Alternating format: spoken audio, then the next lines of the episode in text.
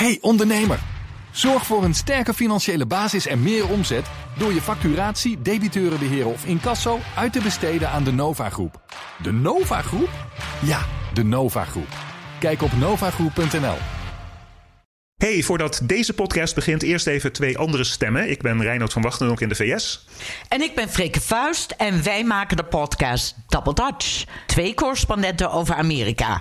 Het is persoonlijk, oh ja, het is opinierend. En als je het nog niet kent en wil uitproberen... Double Dutch op bnr.nl slash podcast slash Double Dutch. En ook op alle andere bekende podcast platforms. Ik open de vergadering van de Tweede Kamer der Staten-Generaal. Ik heet de Kamerleden, de minister-president, de minister van Volksgezondheid, Welzijn en Sport. De mensen op de. Nee, de journalisten op de publieke tribune. Maar vooral ook de mensen die niet op de publieke tribune aanwezig zijn, maar wel dit debat via internet of uh, debat direct volgen. Ook zij heet ik van harte welkom.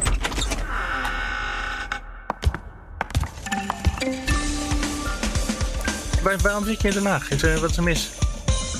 Nou, ik heb eigenlijk niet zo zin om uh, hier uh, een, een, coronavirus op te pikken en dat dan vervolgens mee te slepen naar, uh, naar Den Haag, naar, naar huis. Oh, serieus? Ja. Dit is bescherming van jouw familie? Ja, in feite.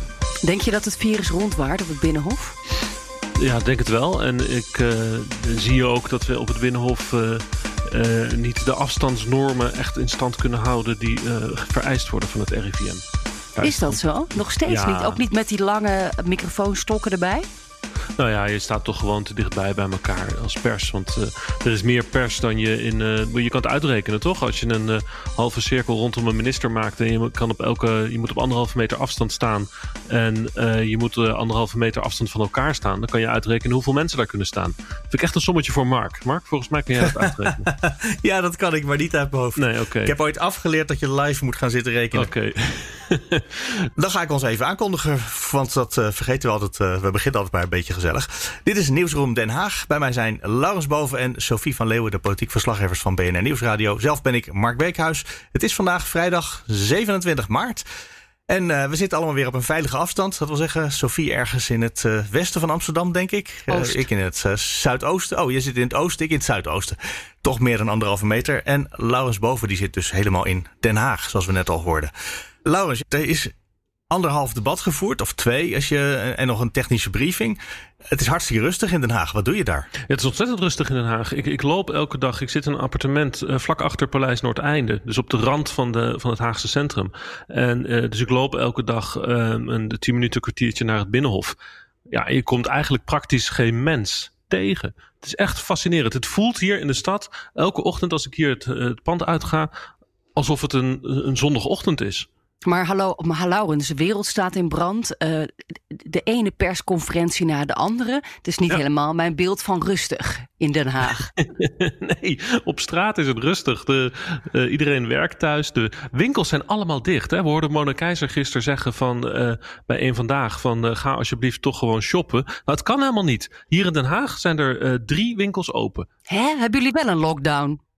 De Mediamarkt is open, de uh, Decathlon is open en de Intersport is open en de Hema is open en de, en de supermarkten. Maar that's it. De rest van de Haagse binnenstad is dicht. De cafés, alle kledingwinkels, alles is dicht.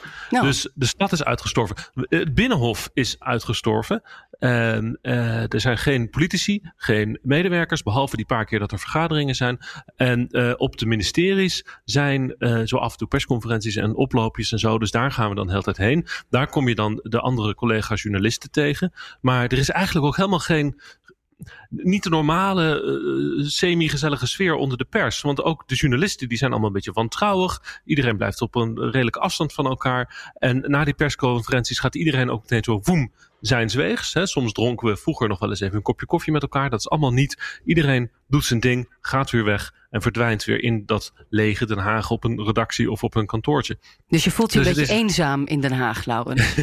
ja, het is een beetje een eenzame, eenzame, eenzaam avontuur hier in de stad. Maar goed, Maar het is, goed. het is eh, weekend. Ik, ik reken op een eh, mooie strandwandeling. Eh, ook al mag dat van de premier niet. Maar ik ben toch alleen hier, dus wat dat betreft kan ik wel op afstand blijven.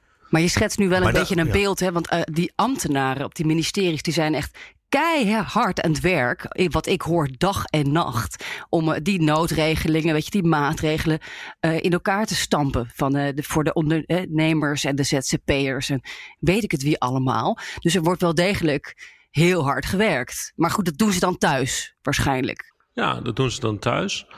Maar is er dan voor jou iets te doen als iedereen thuis zit? Nou, ehm, toch wel, want er zijn natuurlijk die eh, persbijeenkomsten. Ehm, en, en, Rutte is er natuurlijk veel. Eh, Hugo de Jonge is er veel. eh, Van Rijn. En, en ehm, het, het is gek, hè, Mark? Ik zei net van, je wil er toch bij zijn. En zelfs als hier niemand is, wil je hier toch zijn. Al is het maar om hier te zijn op het moment dat er wat gebeurt. Want het is een aantal keer voorgekomen dat er vrij kort af met een half uur voorwaarschuwing of zo, opeens een berichtje binnenkomt van er is zo een, een, eh, een persbriefing van het een of het ander. Dus dan, dan moet je hier wel zijn om erbij te kunnen zijn. Anders moet je dat allemaal van afstand volgen. Ben je weer afhankelijk van andere nieuwsorganisaties die dat live moeten uitzenden, omdat je het anders niet kan volgen. Dus je moet er toch, uiteindelijk moet je er gewoon hier wel zijn. Ehm, en zo waren er echt flink wat van die, van die persbijeenkomsten deze week. De eerste die was meteen, eh, toen ik hier aankwam, ik kon meteen mijn tas hier neerzetten in het appartement en meteen door naar het ministerie van Volksgezondheid, omdat Van Rijn zich daar op maandagmiddag eh, om twee uur presenteerde aan de pers. De nieuwe minister, de opvolger van Bruno Bruins. Exact, ja. Die is ingestort. Ja. Ja, ja, en het was heel grappig om te zien, want hij eh, kwam daar aanlopen en hij, hij was ook. Iedereen moet hier nog een beetje wennen aan de nieuwe omgangsvormen. Dat, die afstand houden van elkaar. Normaal doen we dat niet. Normaal staan we eigenlijk schouder aan schouder met de pers recht tegenover een eh, politicus op armlengte afstand voor je microfoon. En eh, Van Rijn kwam er zo aanlopen naar die hal en die verwachtte volgens mij zo'n soort situatie. En hij was helemaal verrast over dat daar een spreekgestoelte stond met een opgestelde microfoon en een en, en zo'n hekje eromheen. eh, en iedereen op meters afstand. Dus hij was even zo verbrouwereerd over de situatie. En ging daar dus vervolgens praten. Eh, en je merkt daar meteen bij die eerste bijeenkomsten. heb ik bij al die bijeenkomsten gemerkt. Die opstelling, die formele afstand. En dat formele perspresentatiepraatje verandert heel erg de toon en ook de inhoud van wat je vervolgens hoort. Want hij gaat daar dus staan achter dat spreekgestoelte en hij geeft een statement. Minutenlang. En vervolgens krijg je dus vragen maar dat is ook op afstand. Dus die vragen, dat, is ook, dat, dat worden, die antwoorden worden ook statements. En je staat niet echt letterlijk le- lekker met elkaar te praten, eh, een meter van elkaar af. Daar zit altijd een paar meter tussen. Dus dat worden statements. Het is een beetje symbolisch eh, eigenlijk voor, voor, ja, voor de status van de democratie in Nederland op dit moment. Dus de regering eigenlijk op afstand. Die zijn eh, ja, de crisis of die brand aan blussen. En, en, en wij en de Tweede Kamer eh, moeten op afstand maar een beetje volgen hoe zij er een, eh, ja, toch wel een beetje een chaos van maken trouwens. ja, ja, nou goed. Ze proberen natuurlijk open en eerlijk. Hè, dat heeft Rutte gisteren in het debat in de Tweede Kamer ook 25.000 keer gezegd. Dat, dat hun lijn zal zijn open en eerlijk communiceren met de pers. eh, en met het eh, volk dingen zeggen als ze dingen weten, dingen zeggen als ze dingen niet weten. Ehm, en, en, eh, maar het, feitelijk is het wel zo inderdaad dat er meer afstand is, ook fysieke afstand. Dat zag je ook bij de persco van Slop 's middags op maandag, die de besluit bekend maakte over de, het, het opschorten van de, van de examens. Sorry, dat was dinsdag geloof ik. Dat was dinsdagochtend, ja. Ehm, ik ben toen dinsdag, omdat we dus met die afstanden zitten. Ik heb niet de juiste apparatuur voor dat soort opnames, normaal gesproken. Ik heb gewoon een microfoon die ik in mijn hand hou. om die gesprekjes op armlengte afstand te doen. Dus ik ben dinsdag eh, naar de redactie gereden eh, in Amsterdam. Niet met de trein, want die treinen rijden alleen maar sprinters. Dat duurt te lang. Dus ik heb een, een, een autootje, zo'n share-auto eh, gepakt. Ben op en neer gereden naar de redactie in Amsterdam. om meer apparatuur op te halen. Dus ze hebben speciaal voor mij een richtmicrofoon gekocht. Ehm, dan kan ik namelijk op afstand die gesprekken opnemen met die ministers aan een eh, microfoonhengel.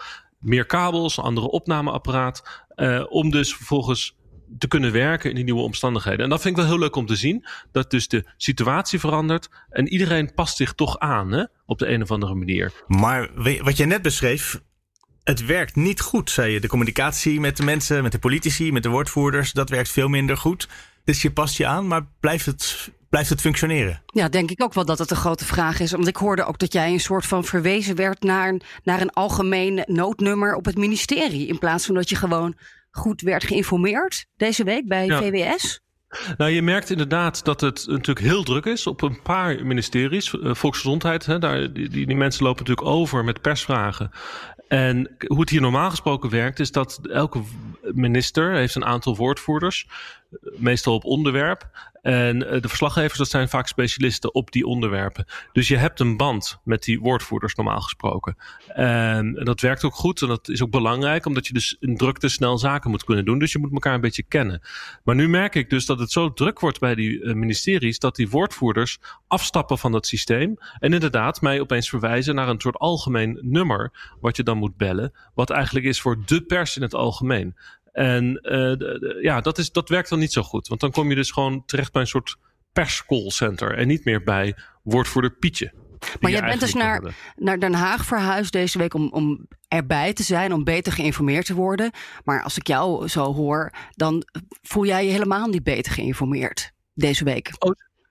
Nou, uh, jawel, deels wel. En plus, ik doe natuurlijk gewoon verslag van wat ik zie gebeuren. Dus ik zie dit gebeuren.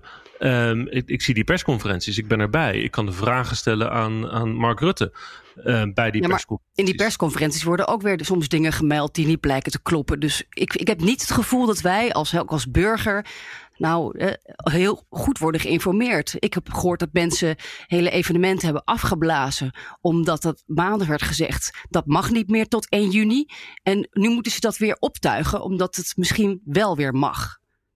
Na 6 april. Dus er is wel heel veel ruis. Uh, sowieso ook in die persconferenties naar, hè, naar de buitenwereld. Volgens mij, Sofie, hou je daar twee dingen wel door elkaar. Dat ene is de communicatie tussen woordvoerders en journalisten, of politici en journalisten. En aan de andere kant heb je of de politici en de ambtenaren met z'n allen uh, al helder hebben wat ze aan het doen zijn. Dat, dat kan natuurlijk totale chaos zijn binnen het ministerie. Maar dat iemand wel heel goed daarover kan praten met, uh, met Laurens of met jou. Het zijn inderdaad twee verschillende dingen. Het zijn, uh, de, de, de, er is de inhoud van de communicatie. En er is de vraag of er gecommuniceerd kan worden tussen pers en politiek. Ik wil nog even één ding schetsen over hoe dat, hoe dat in, het, in de Tweede Kamer in, in de praktijk gaat. Woensdag was die hoorzitting met het RIVM. En uh, wat er normaal gesproken gebeurt in de Tweede Kamer is dat we dan voor de deur van de zaal gaan staan waar de hoorzitting plaatsvindt. Om daar dus alle sprekers en de Kamerleden op te wachten. En wat er nu gebeurde was dat eh, vanwege de RIVM-normen en, en heeft de Tweede Kamer een hele procedure bedacht hoe we dus die mensen moeten interviewen. Dus we worden nu naar een andere plek in het gebouw. Daar moesten wij ons opstellen uh, voor de interviews. En de Tweede Kamer die zou er dan voor zorgen dat die mensen dus naar ons toe zouden komen naar het debat. En inderdaad kwamen dus de Van Dissel van het RIVM en die Gommers van de uh, intensive care specialisten kwamen dus daar naartoe. En hebben, wij hebben ze daar dus op afstand geïnterviewd. Maar ik had die mensen van de Tweede Kamer gevraagd van... Goh, zorgen jullie ook dat de Kamerleden dan deze kant op komen? Ja, en die kwamen niet. En ze hadden gezegd van nee, die zullen ook wel komen, maar die kwamen niet. Nou, en daar zie je dus het probleem ontstaan van uh, dat, dat, dat in deze werkwijze wij dus heel erg afhankelijk zijn van de, van de, de, de, de bereidheid van politici om naar ons toe te komen. Omdat normaal gesproken wij er wel voor zorgen dat wij die politici zien. Door gewoon soms ook letterlijk in de weg te gaan staan. En dan, dan kunnen ze pas doorlopen als ze jou een paar vragen hebben beantwoord. Dat kan nu niet. En eigenlijk is dit een soort uitlokking dat jullie toch weer voor die deur gewoon gaan staan omdat je wel moet. Eigenlijk moet je daar wel gaan staan. Maar goed, je wordt er dus weggestuurd door de beveiliging van de Tweede Kamer. Maar dat verandert dus wel de verhouding tussen de uh, journalisten en de politici. Omdat het nu dus veel meer de, de, de, het een actief besluit moet zijn van de politici om met ons te willen praten in fysieke zin. Dus het, het wordt ingewikkelder. Je moet meer afspraken maken, je moet meer. Uh, de, de, ook bij die persconferenties van, van Rutte, bij die inloopje en de uitlopen van die uh, crisiskabinetzittingen. Daar uh, stonden we van de week opgesteld in een soort zijgang van het ministerie van Justitie. Meneer Rutte, één. En ook daar gold, de, de politici die moesten naar ons toekomen. Meneer Rutte, ja, één vraag nog hier. Eén vraag nog.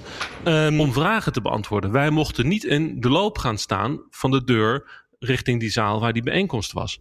Dus ook daar merk je dat er een, een door deze crisis een merkwaardige verandering in de verhoudingen ontstaat over hoe die interactie is tussen de parlementaire pers en de, en de politici.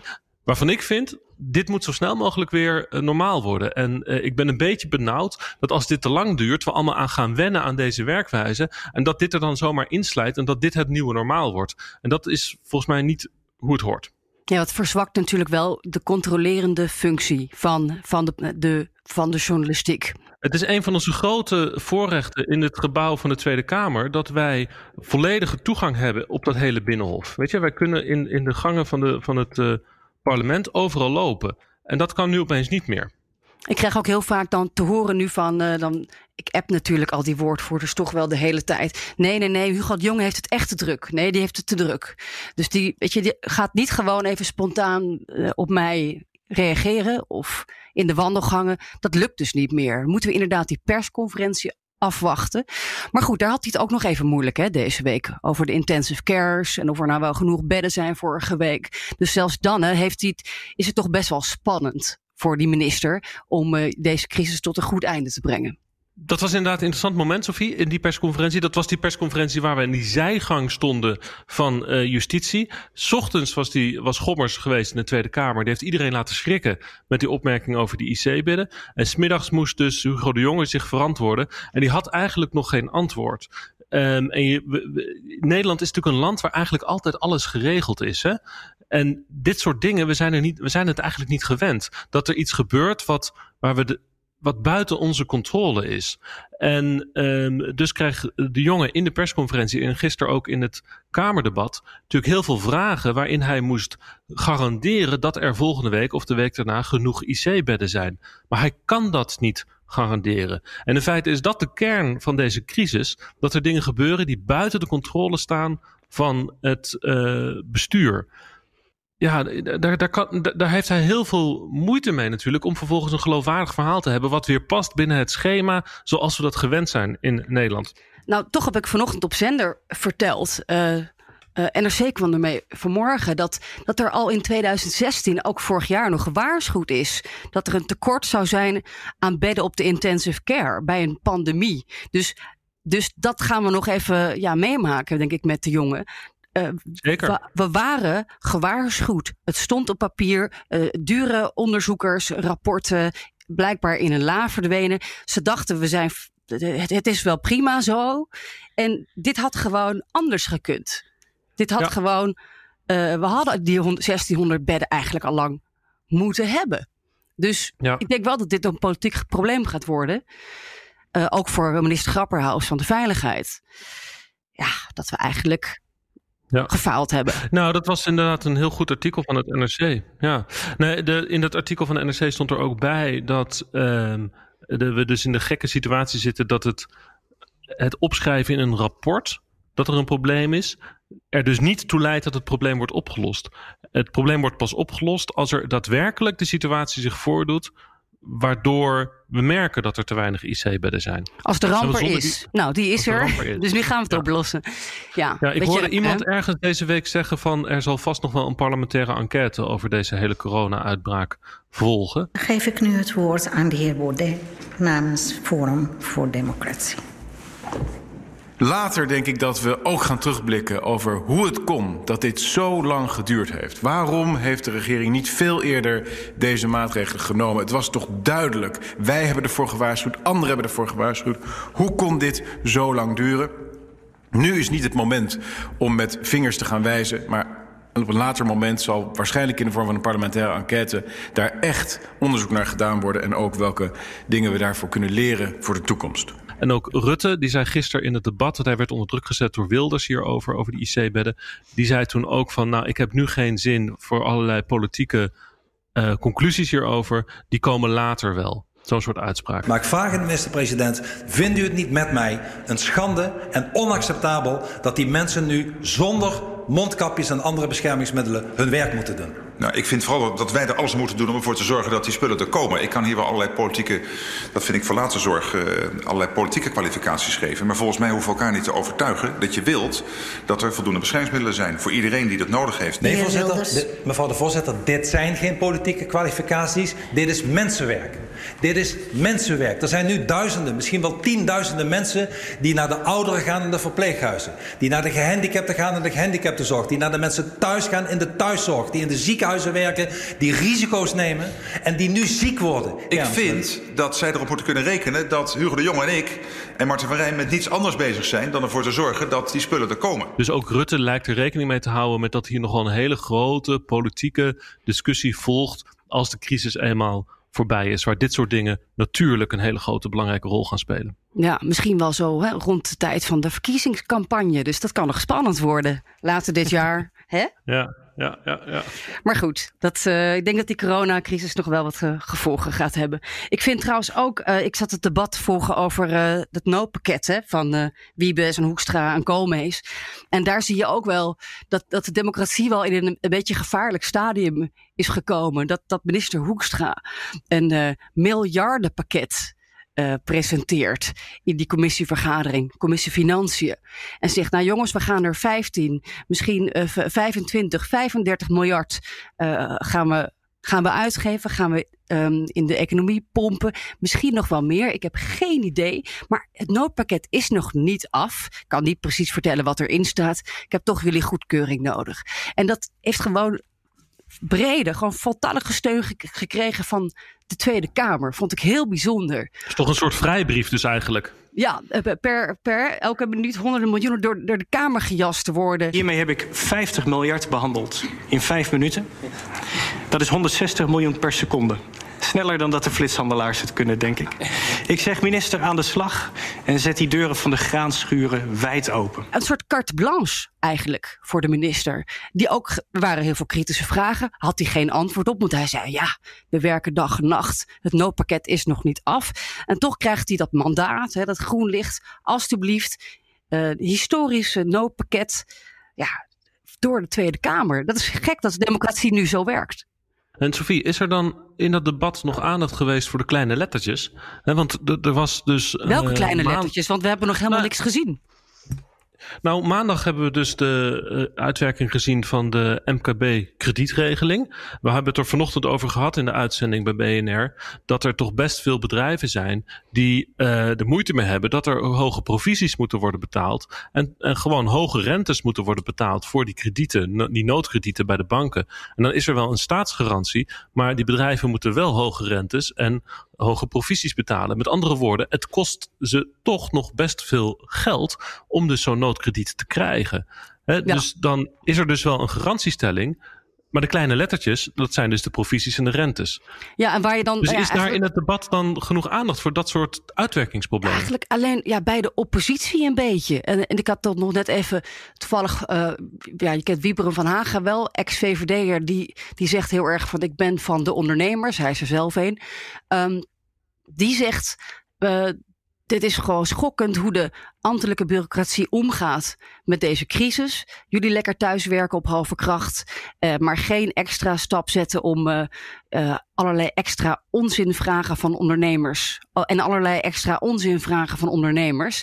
Hij noemt het dus de coronabureaucratie ambtenarij op zijn slechts. Oftewel, jullie werken met z'n allen lekker uh, thuis en, en kunnen lesgeven aan je kinderen. Maar van, van de ondernemers vraag je provisie, extra geld, extra lening, extra risico. Dus die irritatie is er wel, ook bij uh, de PVV. Die gaat ook wel aardig tekeer. Maar ondanks dat, ja, verandert er niks. En is daar groen licht of een carte blanche voor het kabinet. Om uh, dat noodpakket nou waarschijnlijk volgende week um, op tafel te leggen. Maar er is gisteren al over gestemd, toch? Ja, nee, het is erdoor. Het is erdoor, maar nogmaals, het pakket is er niet. Dus we weten niet waarvoor we hebben gestemd. En dat maakt het natuurlijk zo gek in deze tijd dat de democratie nu zo werkt. Dat uh, ja, in een soort van ramptijd, dat het kabinet heel veel ruimte krijgt om om aan de slag te gaan. Maar dat is toch ook precies waar je op hoopt dat de regering die ruimte nu krijgt. Want er moet heel veel heel snel gebeuren. Waarbij je niet kan wachten op eh, polderen en al dat soort dingen die wij traditioneel hier doen. Daar is ook begrip voor in de Kamer. Maar het is natuurlijk wel zo, wat we het eerder over hadden, met je controlerende functie, ook, uh, ook van de media. Hè, dat je op afstand wordt gezet in die persconferenties. Dat je dus ja, dat je verliest voor een groot deel die con controlerende taken. Ja, het parlement worstelt daar ook wel mee hoor. Uh, met die uh, controlerende taak. Want gisteren in het debat, ik moet eigenlijk zeggen donderdag, hè Mark? Uh, donderdag ja, in het... We nemen dit altijd op vrijdag op, dus donderdag, dus gisteren. donderdag in het debat uh, was het Thierry Baudet die vroeg van het kabinet van kunnen jullie alsjeblieft alle andere onderwerpen behalve corona nu on hold zetten. Dat we het niet opeens nu ook een stikstofakkoord krijgen of niet nu opeens allemaal klimaatmaatregelen krijgen, omdat het parlement niet bijeenkomt. En, ehm, Hij is bang dat ze er allerlei dingen doorheen jassen, zoals stikstof, eh, Ja. zonder dat het parlement daarover gehoord wordt. Is dat terecht? Ja. Nou, er, stond inderdaad van de week ergens in de kranten dat er een stikstofakkoord is. We hebben het nog niet gezien, hè, dat stikstofakkoord waar dus over wordt gesproken. Eh, nou, er is zometeen, eh, eind van de middag, is er weer de persconferentie van Rutte. Eh, ik denk dat ik hem er dan maar naar, eens naar zal vragen hoe dat nou eigenlijk zit. Maar dat is inderdaad nog niet gepubliceerd. Er is natuurlijk een probleem dat heel veel nu schriftelijk wordt afgehandeld in de Tweede Kamer en ze niet bijeenkomen. Dus in die zin heeft Baudet wel een punt. Maar Rutte die zei daarop als antwoord van, ja, sorry, maar de wereld draait gewoon door. Weet je, er is ook gewoon Besluitvorming die gewoon doorgaat. En uh, wij moeten, dus wij kunnen het de rest van het kabinet niet stilleggen. Baudet krijgt er volgens mij in de rest van de Kamer ook geen steun voor. En uh, er gebeurt nog iets anders geks over die controlerende taak van de Tweede Kamer. Uh, want Rutte, die al zo worstelt met de duidelijke communicatie over alle noodmaatregelen, die noemde opeens in het lijstje van uh, types evenementen die tot 1 juni niet mogen plaatsvinden, ook opeens de Staten-Generaal. De Tweede Kamer, dat die niet mag vergaderen. Maximaal 100 mensen. Alle andere evenementen zijn verboden tot 6 april. Dus de 100 is weg. Die 100 grens. Die is eigenlijk losgelaten. Dus uh, uh, dat betekent met, met, vier uitzonderingen. En dat is tot 6 april. En we gaan dus aanstaande dinsdag besluiten wat we daarmee doen. Uh, daarvan zijn uitgezonderd de vergaderingen van gemeenteraden en staten-generaal. Mits niet meer dan 100. En hij zei dat opeens. Daar sloeg niemand op aan. Maar ik, heb dat, ik, had het, ik hoorde het hem zeggen. Ik heb meteen een appje gestuurd naar de woordvoerder van Ariep. Ik zeg van, hé, hey, wat, wat is dit? Verbied Rutte nu opeens het parlement voltallig bij elkaar te komen. Nou, er kwam geen antwoord op dat uh, appje van de woordvoerder. Maar aan het eind van het debat, de laatste woorden van Ariep voordat ze de vergadering sloot, waren richting Hugo de Jonge. Daarmee zijn we ook aan het einde gekomen van dit debat. Er is een, een opmerking, en het staat ook in de brief, en dan hecht ik aan, uh, eraan om het weg te zetten. Dat gaat over een uitspraak van de regering over bijeenkomen. Met name ook van de Staten-Generaal. En daar staat 100 leden, maar het is 150. Excuus, Dank u wel. Dus um, ook daar was weer verwarring over. Maar je ziet daar dus ook in dat, dat ook de Kamer zelf dus worstelt met van wat is nou eigenlijk de, de, de, de ruimte die we hebben als parlement om het kabinet te kunnen controleren. En ik moet nog zien hoor of ze het volhouden dat ze alleen maar over corona debatteren. Want als er inderdaad een stikstofakkoord is. Ik kan me goed voorstellen dat dat toch echt wel een reden is voor het parlement om toch nog een, uh, een of andere vorm van debat aan te wijden. Want je kan ja. het parlement niet maandenlang alleen maar over corona laten vergaderen. Het hoeft volgens mij ook niet. Want als je ziet zoals die coronadebatten verlopen, in deze vorm kunnen ze ook echt wel over andere dingen ook vergaderen. Wie bepaalt dat dan? Of de Kamer bij elkaar kan komen? Want de Kamer is toch de baas over de regering en niet andersom? Ja, de Kamer is de baas over zichzelf. Dus dat uh, besluit de Kamer zelf. Dus als de regering zegt uh, vinden dat u dat niet mag, dan nee, daarom was de regering gaat er niet over. Daarom was het ook zo gek wat Rutte zei. Want Rutte had eerder gewoon staatsrechtelijk correct gezegd...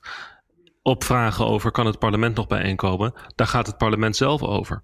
En, en dat is hoe het is. Maar kan de Kamer niet gewoon vergaderen in een uh, voetbalstadion of zo? Die staan toch leeg, ADO Den Haag. ja.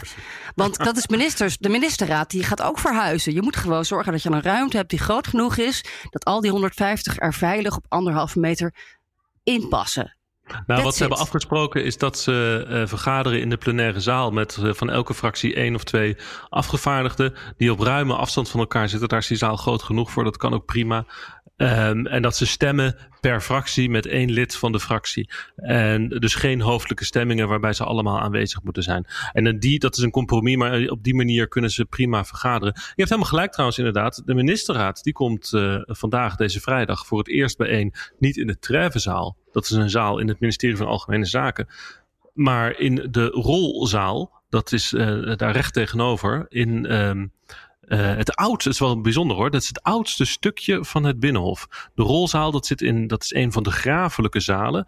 Je hebt midden op het Binnenhof staat dat gebouw waar de Ridderzaal deel van uitmaakt. Hè? De voorkant van, van het pand is de Ridderzaal, die torens en die beroemde deur waar de koning altijd naar binnen gaat voor Prinsjesdag. Dan heb je een hele grote zaal. Maar achter die zaal staat nog een gebouw. En dat gebouw is het oudste gebouw van het Binnenhof uit de 13e eeuw. En daar woonden dus de, de, de, graven. En vanaf, vanaf dat gebouw is dat hele binnenhof steeds verder uitgebreid. Ja. Nou, en in dat gebouwtje, daar zit de rolzaal. Dat is dus een zaal die bestond vroeger uit meerdere ruimtes, maar dat is één ruimte geworden ooit. Uh, een van de oudste stukjes Den Haag, het oudste stukje Den Haag. En, en daar vergaat het kabinet. Die, die zaal kan je trouwens huren.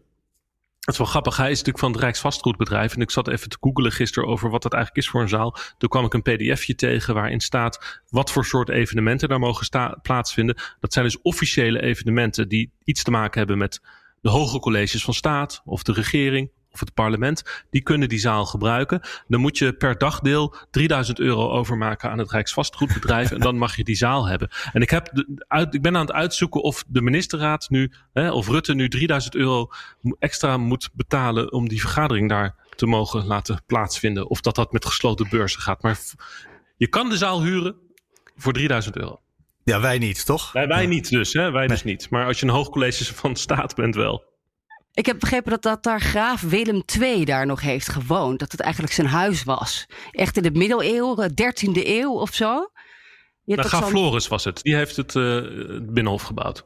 Ja, maar er zal vast ook een graaf Willem zijn geweest. Ja, en het is ook nog een, een rechtszaal geweest. Het is een, volgens mij eh, een zaal met houten plafond. De middeleeuwse toestanden in de ministerraad vandaag. Hij is heel groot, waardoor je dus daar ook inderdaad op anderhalf meter afstand met al die ministers kunt vergaderen. En dat gaat gewoon duren tijdens de hele coronacrisis, hè? De middeleeuwse toestanden op het Binnenhof. Het is wat groter inderdaad dan een treffenzaal, dus ze kunnen meer afstand van elkaar houden. Ja. Ja. ja. Nee, maar dat vind ik ook het leuke van het Binnenhof. Uh, die, die, die plek, daar, daar vindt dus al sinds de 13e eeuw, wordt daar al macht uitgeoefend in uh, het graafschap of het, of, of, uh, het gewest of de republiek of het koninkrijk. Dat zit al die eeuwen. Het Binnenhof is een van de oudste, nog steeds functionerende parlementsgebouwen, publieke machtscentra, politieke machtscentra van de wereld. Waar continu zelfs de naties zaten daar in de oorlog, waar continu macht is uitgeoefend. En al die mensen woonden daar ook. Hè. De stadhouders die woonden op het Binnenhof. Dus die plekken die wij daar allemaal bewandelen, daar liggen ook de voetsporen van al die Oranjes. En Van Oldenbarneveld is onthoofd op het Binnenhof. Je kan daar nog steeds elke dag naartoe. Het is allemaal op die plek gebeurd. Maar goed, ja, middeleeuwse toestanden. Ik hoop dat ze niet te lang duren, Laurens. En dat wij gewoon weer iedereen kunnen appen en lastigvallen in de wandelgangen. Ja, ik ben uh, wat pessimistisch. Ik, ik vrees een beetje dat we tot aan het zomerreces wel in deze uh, toestand, sorry, ik heb even het Nederlandse woord niet, uh, zitten in Nederland. ik weet zelfs niet wat het betekent, want mijn Duits is best oké, maar dit wordt mis. toestand. Um, Uitzonderlijke omstandigheden. Noodtoestand zou je ook kunnen zeggen. Tot de zomer. Ik, ik denk het wel, in ieder geval dat we dan nog wel. Uh, ja, ik denk dat het lang duurt voordat het parlement weer voltallig bijeenkomt. En hier gaan we het maar eens bij laten. We komen bij het einde van Nieuwsroom Den Haag voor deze week. Misschien wil je reageren. Mail dan naar nieuwsroom.bnr.nl of nieuwsroom.fd.nl. Maandag is er weer een gewone nieuwsroom. Nou ja, wat is gewoon in deze tijden, maar in ieder geval een nieuwsroom met al het nieuws en niet alleen politiek uit Den Haag. Volgende week vrijdag is er weer een nieuwsroom Den Haag. En dat betekent ook dat je je op twee manieren kan abonneren op deze podcast. Je kan je abonneren puur op Nieuwsroom Den Haag. Ga daarvoor naar bnr.nl slash Nieuwsroom Den Haag. Of op vijf afleveringen van Nieuwsroom, inclusief deze vrijdagse politieke podcast. En daarvoor ga je naar bnr.nl slash Nieuwsroom. Goed weekend.